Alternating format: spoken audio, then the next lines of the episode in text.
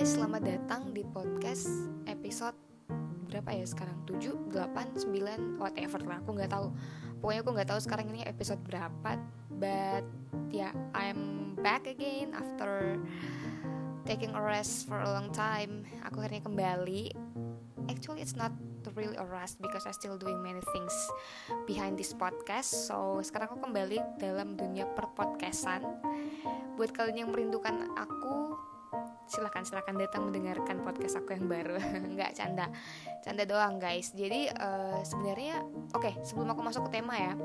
Sebenarnya aku itu dengerin pod bukan bukan dengerin podcast.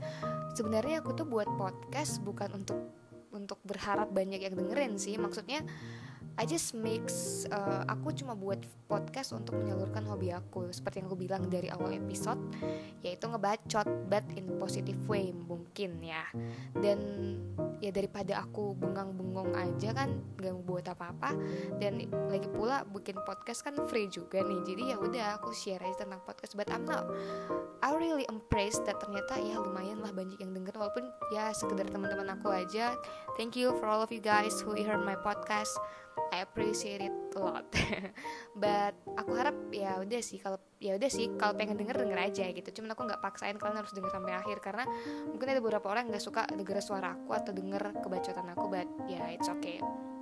Nah hari ini aku datang dengan tema yang berbeda. Soalnya aku hari ini pengen menceritakan kisah seseorang yang inspires me a lot. Jadi kayak aku buat podcast ini setelah nonton dokumenter dia. Maksudnya udah lama sih aku big fans sama dia cuman aku baru berani buat podcastnya setelah aku nonton dokumenter dia. Siapakah dia? Oke jadi dia adalah Michelle Obama. Yes kalian gak salah dengar. Michelle lagi Michelle. Iya Michelle. Michelle Obama siapa sih Michelle Obama itu? Ya pasti semua orang tahu lah ya. Dia itu istrinya Barack Obama yang itu mantan presiden United States. Ya nggak sih? Bener gak sih? Amerika United States. Ya bener. Nah jadi uh, sebenarnya uh, cerita dulu nih dikit-dikit balik masa lalu. Nah sebenarnya aku tuh dulu nggak gitu uh, kenal Michelle Obama sih. Maksudnya eh so kenal banget so akrab banget kayak udah kayak udah adik kakak aja. Nggak. Maksudnya uh, aku dulunya tuh nggak uh, begitu tahu gitu Michelle Obama uh, saking sampai ngefans kayak gitu nggak pernah. Jadi kayaknya waktu SMA tuh ya aku cukup tahu ya udah Michelle Obama istrinya Presiden Barack Obama. Udah gitu aja nggak pernah nggak pernah punya niatan untuk cari tahu ya udah sih istri presiden. Karena di mindset aku adalah istri presiden itu hawa mereka hawa gimana ya atmosfer mereka bukan apa sih? Kalian tahu aura aura mereka tuh ya udah serius. Paling dibahas adalah politik kemudian ya palingan ya udah menghadiri acara-acara penting membuat acara-acara ya you know lah di dunia politik tuh kayak gimana gitu pemerintahan you know tapi sekitar uh, tahun 2018 setelah aku lulus akhir apa ya pertengahan 2018 aku lagi nonton YouTube. Lagi nonton YouTube kemudian uh, di timeline YouTube aku tuh muncul Ellen Show karena aku habis pokoknya muncul gitu Ellen Show dan dia lagi interview sama Michelle Obama. Awalnya aku nggak begitu tertarik untuk nonton. Cuman karena aku lagi gabut tau lah ya. Jadi ya udahlah kita nonton yang sesuatu yang bermanfaat gitu kan. Karena kalian tahu kan Ellen Show kan suka ngakak-ngakak gitu kan. Dan aku suka nonton yang sesuatu yang buat aku ngakak gitu. Nah apalagi kalau lagi gabut. Nah akhirnya aku nonton. Nah pas nonton aku bisa bilang jatuh cinta pada pertama kali nonton. Why? Because she was like she's different with what I think gitu. Dia beda dengan apa yang aku pikirkan gitu. It she's not like another woman. Dia nggak dia nggak seperti orang-orang uh, istri presiden yang aku bayangin selama ini gitu. Maksudnya um, apa ya aura dia tuh kayak spirit happiness gitu loh. Pun ya walaupun aku nggak tahu sih aslinya cuman dari screen aja dari layar aja aku bisa aku, gimana ya kalian bisa kan ngerasain um, aura orang kalau emang dia baik sama nggak baik kalau emang dia asik sama nggak asik ngerti nggak sih? Kayak you can you can you can feel di di apa ya pokoknya kalian bisa ngerasain lah pasti aura dia gitu. Dan ini cuma dari screen aku bisa bener-bener ngerasain kalau she's amazing. She is different. Dan dia tuh bisa spread happiness to around her gitu. Ke sekitar dia gitu. Dan dia tuh chill banget gitu. I mean like hey kamu ini adalah man uh, waktu itu kan dia udah selesai jadi presiden ya kayaknya kalau nggak salah ya. Lupa. Maksudnya ya untuk kita bicara dia yang sekarang aja ya. Maksudnya kamu tuh sekarang kan hello kamu tuh istri mantan presiden. I mean like oh my god that's really amazing. Apalagi kamu man, maksudnya suami kamu tuh mantan presiden United States. Come on.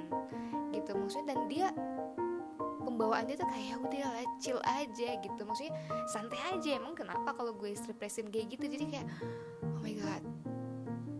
Pokoknya aku kayak sangat terpukau dengan dengan cara dia yang kayak gitu. Kemudian um, pokoknya aku ngefans banget lah sama dia ceritanya. Akhirnya aku nonton tuh interview interview dia. Aku cari lah selain di Ellen Show di mana aku nonton pokoknya interview dia.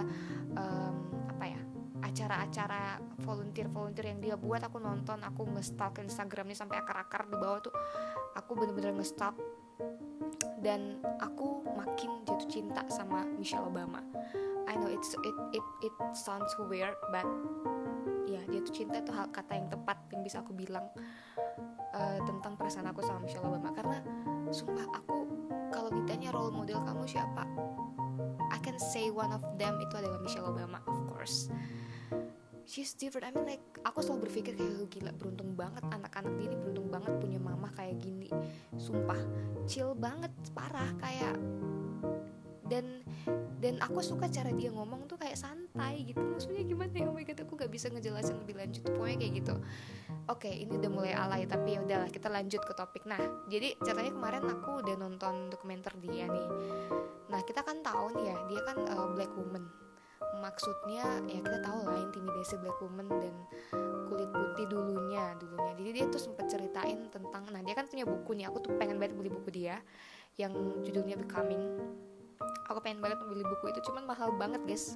Itu mahal banget jadi aku lagi nabung buat beli. Semoga aku bisa beli doain aku ya guys.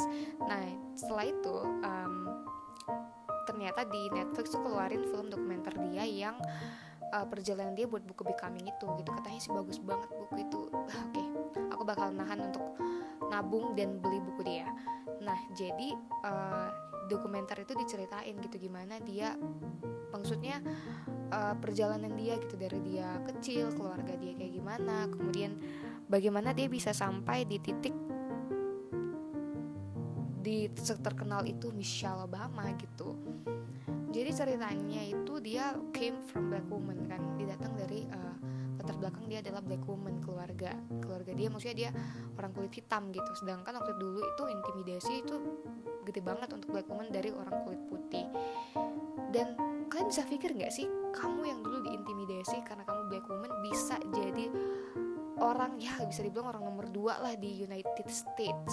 Bayangin tuh keren banget parah. Nah setelah itu pokoknya kayak gitu dia orangnya ya udah chill banget gitu. Dan aku terpikat terpincut ya bahasanya ya. Kayak wow aku makin wow wow wow makin wow waktu nonton dokumenter dia. Jadi dia bikin jadi kan dia kan ini lebih ke apa ya?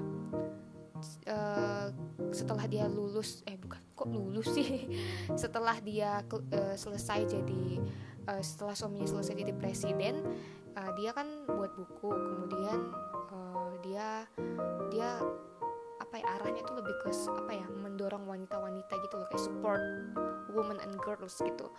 Jadi uh, dia buat banyak acara gitu. Nah salah satunya adalah lewat buku Becoming ini. Nah di buku Becoming itu mereka buat satu pertemuan sama ya banyak sih pertemuan tapi salah satunya itu sama anak-anak remaja.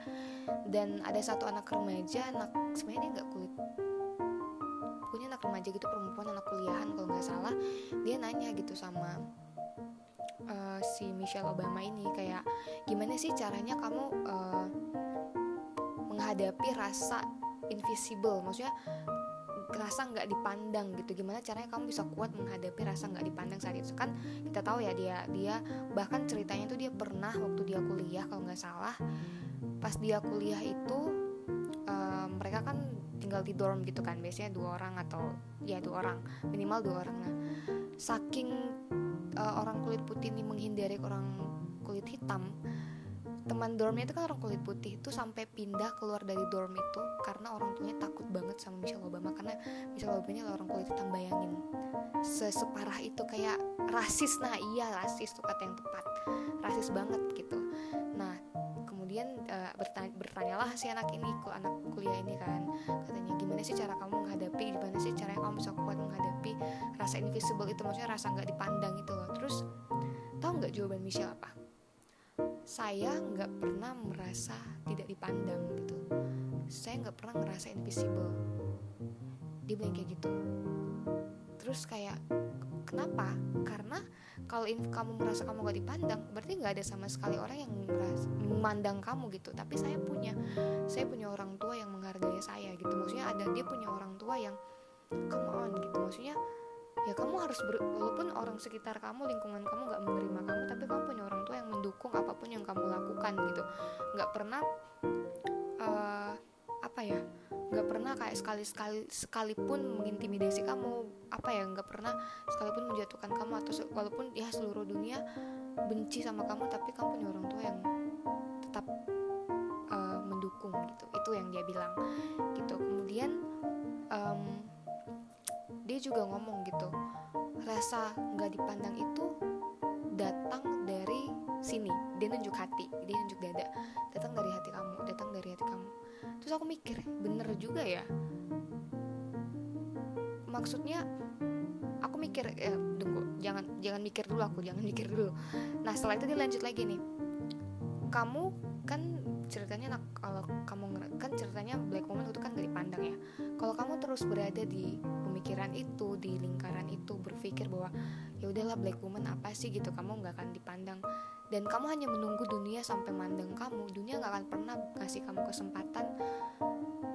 Maksudnya kamu nggak akan pernah dapat kesempatan. Maksudnya nggak akan pernah gitu dunia mandang kamu. Sampai kamu nunggu sampai kamu mati pun dunia emang nggak akan pernah mandang kamu. Kecuali kamu keluar dari lingkaran itu kamu yang menunjukkan dirimu ini loh aku gitu. Tunjukin dirimu ke dunia supaya dunia tahu kamu tuh hadir kamu tuh ada di dunia ini tapi kalau kamu cuma kayak nunggu sampai dunia yang balik ke kamu oh itu ada contohnya aja aku ya. Oh itu ada nafisi itu di situ. Nggak akan nggak akan terjadi kecuali kamu yang keluar dan ngomong ini loh aku namanya nafisi gitu. Itu yang itu maksud dia gitu. Maksudnya kamu harus berani untuk step out gitu. Untuk berani untuk ya udah. Whatever apa pun yang dunia bilang tentang kamu keluarin aja gitu. Ini aku gitu. Ini aku supaya dunia tahu. Karena kalau kamu nggak pernah bilang kalau kamu nggak pernah berani untuk nunjuk hei ini ini aku nafisi gitu. Dunia nggak akan pernah tahu oh ada tuh ternyata yang namanya nafisi hidup di dunia ini gitu. Jadi kayak menurut aku wow itu kata-kata yang menurut gila bagus banget gitu. Dan itu make sense gitu karena balik lagi nih aku juga aku juga bisa dibilang pernah lah aku merasa kayak ya sampai sekarang sih. Maksudnya kayak minder kemudian ngerasa kayak iya bener.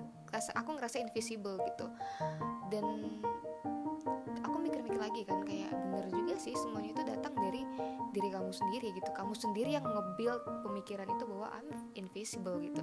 Padahal sebenarnya ada aja gitu orang yang uh, yang nganggap kamu ada ada aja tuh orang yang ngedukung kamu. Contohnya orang tua nggak usah jauh-jauh deh orang tua temen atau sahabat atau saudara siapa pun itu yang ada sekitar kamu. Coba deh kamu uh, take rest sebentar gitu kan.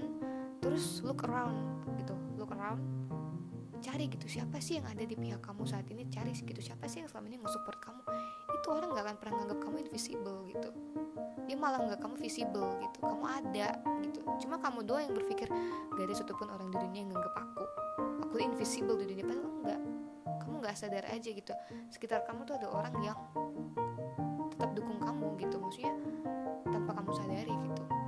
Dan contoh kecil aja ya. Contoh kecil apa ya? Hmm, contohnya oke waktu aku kecil contohnya ya. Pokoknya intinya dari cukup bentar sebelum contoh. Intinya dari perkataan Michelle ini adalah kamu nggak akan pernah tahu kalau kamu nggak mencoba gitu. Kamu nggak akan pernah tahu kalau kamu nggak trying untuk oke okay, I think at least kamu cobalah mencoba gitu try gitu. Walaupun kelihatannya mustahil gitu kan. Maksudnya ini ini yang aku tangkap sih dari kata-kata Michelle kayak ya coba aja gitu mau dunia nerima kamu atau dan aku hmm, apa ya mensinkronkan ini sama kehidupan aku sendiri ya. Contoh kecil aja nih. Ini contoh paling ini sebenarnya simple contoh contoh paling simple dalam hidup aku yang kecil banget tapi sebenarnya make sense sama apa yang dibilang sama Michelle. Jadi dulu waktu aku kecil dari aku SD jadi adik aku itu cowok kan. Nah dia itu dari kecil suka banget main gitar. Jadi akhirnya mamaku beliin gitar lah dari SD aku SD dia masih ya kelas 1 kelas 2 SD lah adik aku tuh. Nah terus di pikiran aku adalah ketika melihat gitar itu adalah seumur hidup. Aku nggak akan pernah bisa mainin itu. Karena aku ngelihat adik aku belajar main gitar tuh susah gitu. Jadi aku yang kayak oke okay, seumur hidup aku nggak akan pernah mainin tuh barang gitu. Aku nggak akan pernah mainin tuh gitar. Nggak akan pernah bisa pasti. Itu kayak aku nanam di otak aku kayak gitu. Itu sampai aku SMP gitar tuh di rumah sudah sampai tiga apa dua. Nggak pernah aku sentuh nggak ada pernah niatan aku sentuh karena aku takut nggak akan bisa gitu. Itu yang aku pikirkan kemudian aku sampai di satu titik di mana ternyata waktu ke SMP pas kelas 3 itu sebelum kami lulus kami ada ujian seni gitu. Nah ujiannya itu ujian akhirnya itu harus bisa main gitar ya. Setidaknya tau lah chord chord dasar gitu. Nah itu mau nggak mau untuk dapat nilai aku aku harus belajar dong main gitar harus belajar dong pegang gitar at least pegang lah gitu. Tahu kok mana chord C mana D mana E dan sebagainya akhirnya aku belajar.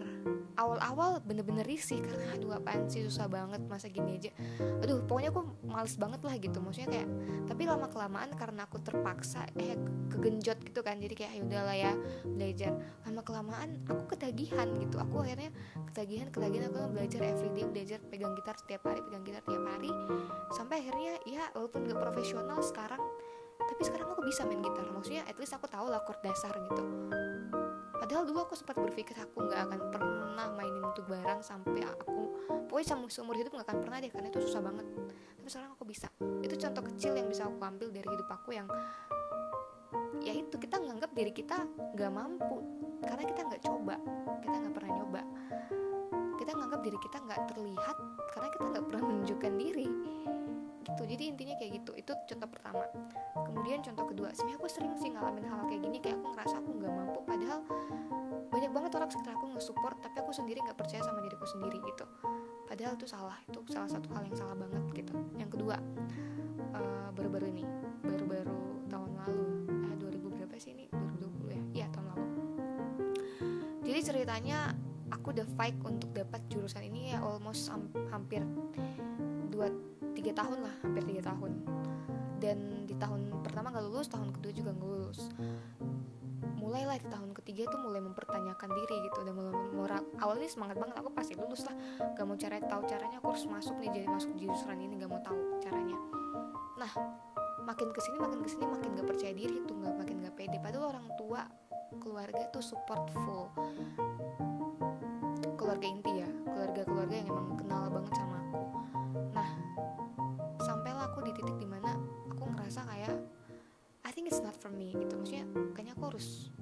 deh aku harus nyerah aja deh. Maksudnya maksudnya apa ya kayak ya udah gitu. Maksudnya it's not for me kayaknya. Jurusannya emang it's not for me. Ya aku bisa aku mulai berpikir yang lain-lain tuh yang aneh. Kayak aku bisa jadi orang sukses gak hanya jadi masuk dalam jurusan ini gitu. Pokoknya udah mulai kayak gitulah mulai. Apalagi beberapa orang yang aku temuin ada beberapa lingkungan aku yang cari yang jurusan lain aja emang cuma itu doang yang bisa buat kamu sukses, kamu sukses. Adalah beberapa orang ngomong kayak gitu sampai itu kayak mendoktrin aku kayak iya juga sih bener juga ya. Kok aku kayak terlalu ambisius ya sama jurusan ini dan sebagainya gitu. Kayak tapi uh, sebenarnya yang buat aku menjadi ke, apa ya cuil gitu semangatnya itu karena aku takut. Sejujurnya aku takut.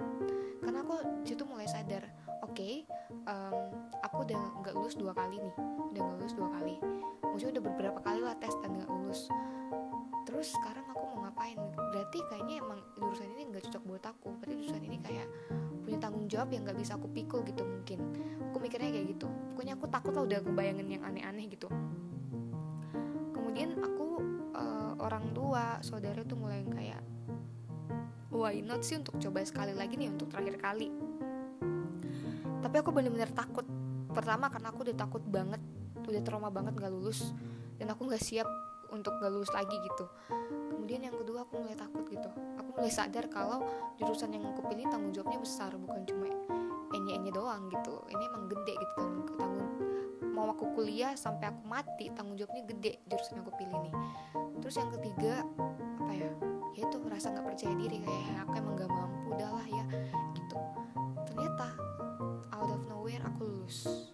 Aku lulus makin takut lagi tuh bukan seneng makin takut karena gila aku udah masuk udah lulus nih sekarang ngapain nih? Gila pasti aku bakalan ketemu sama orang-orang yang oh hebat banget di dalam orang-orang yang pintarnya tuh gila-gilaan gitu. Aku pokoknya full dengan rasa takut pokoknya kayak udah kayak merinding sendiri lah mikir gila belajarnya pasti mati-matian nih di dalam pasti gini-gini dan sebagainya. Pas aku masuk di dalam akhirnya aku rilis bahwa apa yang aku takutkan tuh nggak ada gitu. Yang aku takutkan tentang orang ya semua yang masuk dalam jurusan itu teman-temanku yang seangkatan sama aku kita semua sama-sama belajar kita kita semua sama-sama orang baru di dunia yang baru di di apa ya kita semua belajar hal yang baru gitu. Nggak ada yang lebih hebat gitu. Nggak ada yang lebih nggak ada yang lebih hebat nggak ada yang lebih bodoh gitu. Semuanya kita sama-sama start kita start di di jalur yang sama gitu nggak ada yang nggak ada yang seperti pemikiranku yang sampai hmm, aku takut banget gitu nggak ada gitu. Semuanya start di tempat yang sama. Masalah mau hebat atau enggak tuh kembali lagi ke kamu. Kembali lagi ke prosesnya. Ya kamu start di line yang sama di garis yang sama. Proses kamu lari itu tergantung seberapa cepat kamu seberapa kamu kuat gitu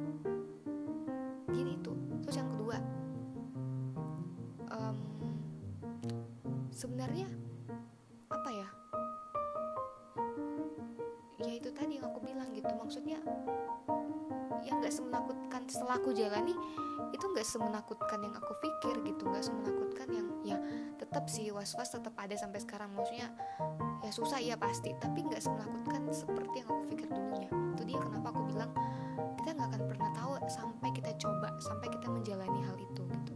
Dan aku setuju banget sama kata-kata Michelle kayak kamu nggak akan yang nge yang ngebuild perasaan takut perasaan nggak mampu perasaan nggak kamu sendiri. Kamu sendiri yang ngebuild semua hal itu gitu. Itu aja sih yang pengen aku bilang sebenarnya. Kayak setelah aku nonton buat kalian yang yang punya waktu banyak ya apalagi di rumah aja ya coba deh nonton dokumenternya si Michelle Obama. Ya kalau kalian tertarik silahkan. Bener-bener dia tuh bisa spread happiness ke ke kamu gitu. Dia bisa spread um, apa ya dia bisa menyebarkan inspirasi apa sih bisa memberi kamu inspirasi? Pokoknya dia tuh sangat aduh itu aku aku nggak tahu lagi itu tuh manusia terbuat dari apa nggak tahu deh. Dia tuh kayak chill banget gitu loh kayak oh my god she's really different. Kayak oh panutan kalau kata-kata anak sekarang tuh panutanku banget kayak gitu kayak itu aja sih yang pengen aku bacotin hari ini karena aku juga nggak tahu sih mau ngomong apa lagi. Pokoknya intinya itulah aku kayak pengen cuma bilang kayak aku sangat terinspirasi sama Michelle Obama fix. Oke okay, itu aja.